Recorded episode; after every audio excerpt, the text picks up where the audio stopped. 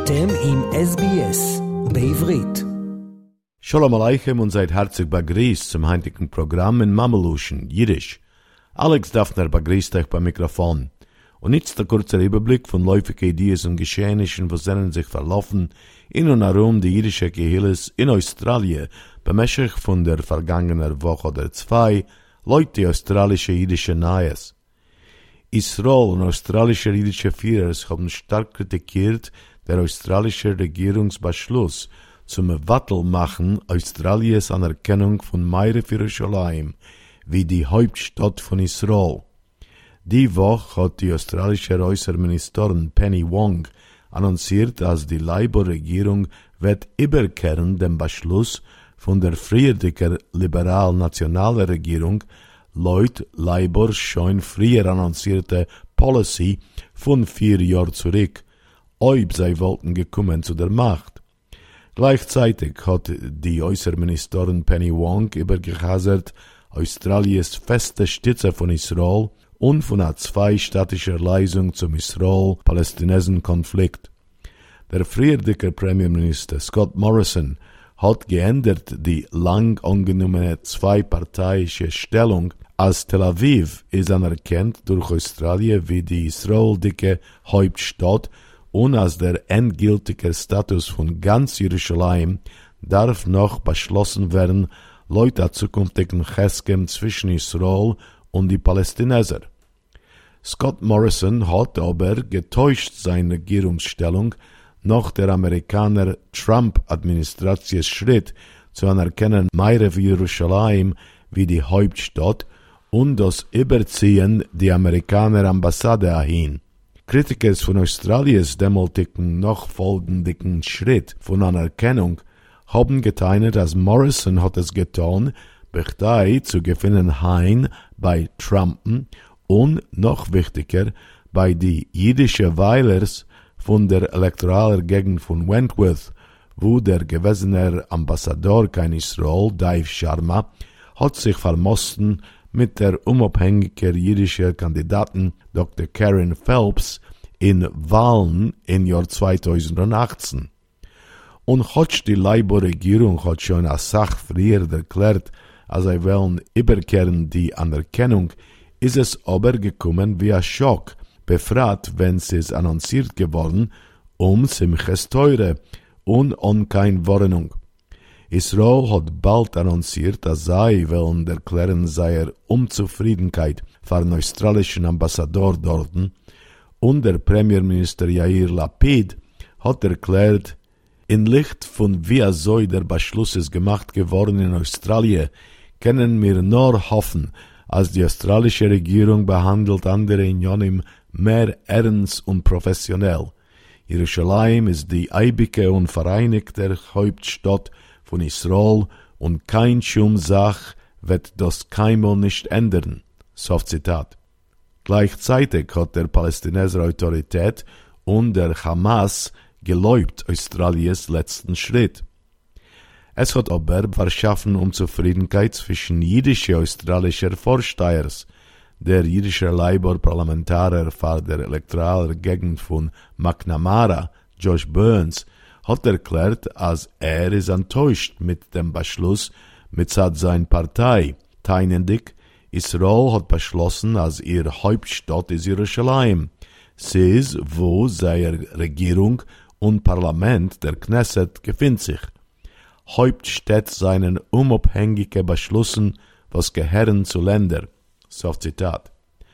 Euch der Opposition liberaler Partei jüdischer Parlamentarier Julian Lisa hat betont, Meire Jerusalem ist schon ein Teil von Medinas Israel sind ihre Etablierung im Jahr 1948. Der Knesset ist dorten. Der Präsident wohnt dorten. Der oberste Gericht ist dorten. Es set mir aus zu sein wie jede andere Hauptstadt. Die Frage ist, war was kann die Labour-Partei das euch nicht sehen?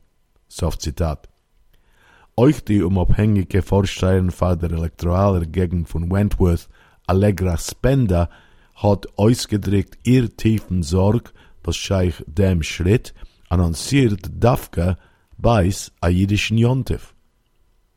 Der irische Labour-Parlamentarier Vater Melbourne Elektoral der Gegend von McNamara, Josh Burns, die Gegend mit einer von die größten irischen Bevölkerungen in Australien, hat euch stark kritikiert dem gewesenen Vizepremierminister von Australien und gewesenem Führer von der Nationals Partei, Barnaby Joyce, für sein Vergleichen von der aborigineller Kavone zu Hobna Cole zum Parlament mit a Gesetz, was wollt gepasst war Nazi-Deutschland.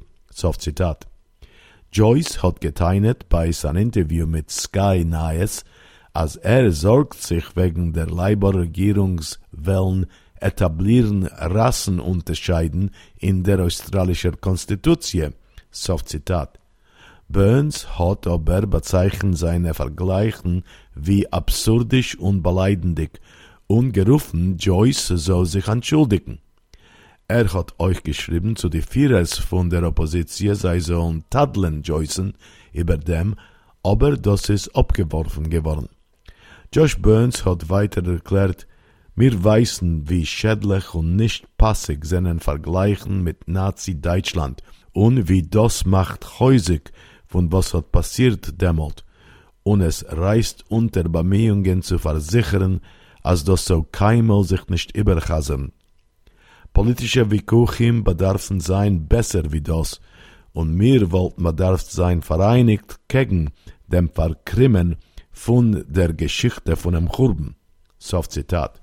Der Co-Chef-Verwalter von dem ECIJ, Exekutivrat von dem australischen Judentum, Alex Rifkin, hat euch betont, dass Hodge Joyce hat vor uns erklärt, als es ein größer Unterschied zwischen die zwei vergleichen, fragt sich, war was bechlall der Monnen Nazi Deutschland. Joyce hat das Recht zu teilen gegen dem Call zum Parlament oder was er halt ist das Zurückbringen Rassenunterscheiden in der Konstitution. Aber sein Teine wird nichtig, wenn er vergleicht a Proof zu der häubenden Call von einer traditionell untergedrückte und beavelte Gruppe mit Gesetzen, welche haben geführt zu Genozid. Soft Zitat.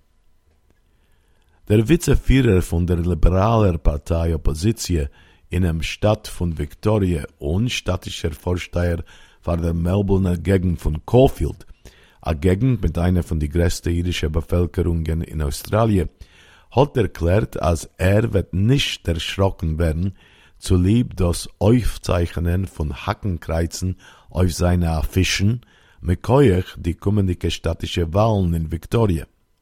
Southwick, welcher ist gewesen, der vierendicker Treiber von einem anummeltigen Einführen von einem Gesetz zu verwehren öffentliche Weisungen von der nazischer Swastika in dem Stadt, hat erklärt, Hass hat nicht kein Ort in unserer Gesellschaft und am horrorstike Taten wie die schrecken mich nicht.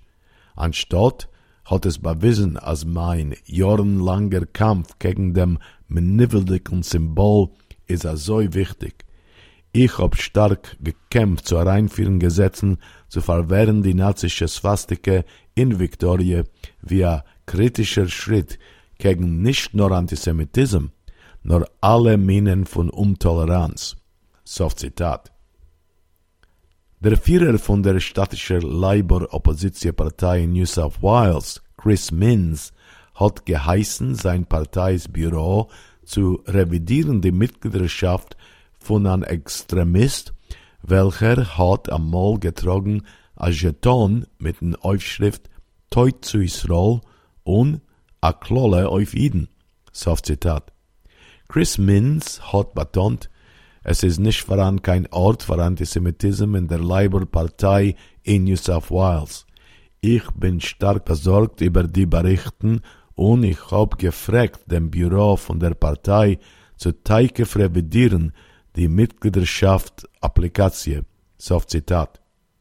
Der Mann, Jane Therapel, a gewesener Lehrer auf der Universität von Sydney, hat früher euch geläubt, Zoffen Korea als a egalitarische Stadt, gestützt dem syrischen Diktator Bashar al-Assad und verspreit Propaganda zu berechtigten Russlands Krieg gegen Ukraine Und damit vereinigten wir den Überblick von Ideen und Geschehnissen, was sind sich verlaufen in und herum die jüdische Kehilles in Australien, bemächtig von der vergangenen Woche oder zwei, Leute australische jüdische Neues.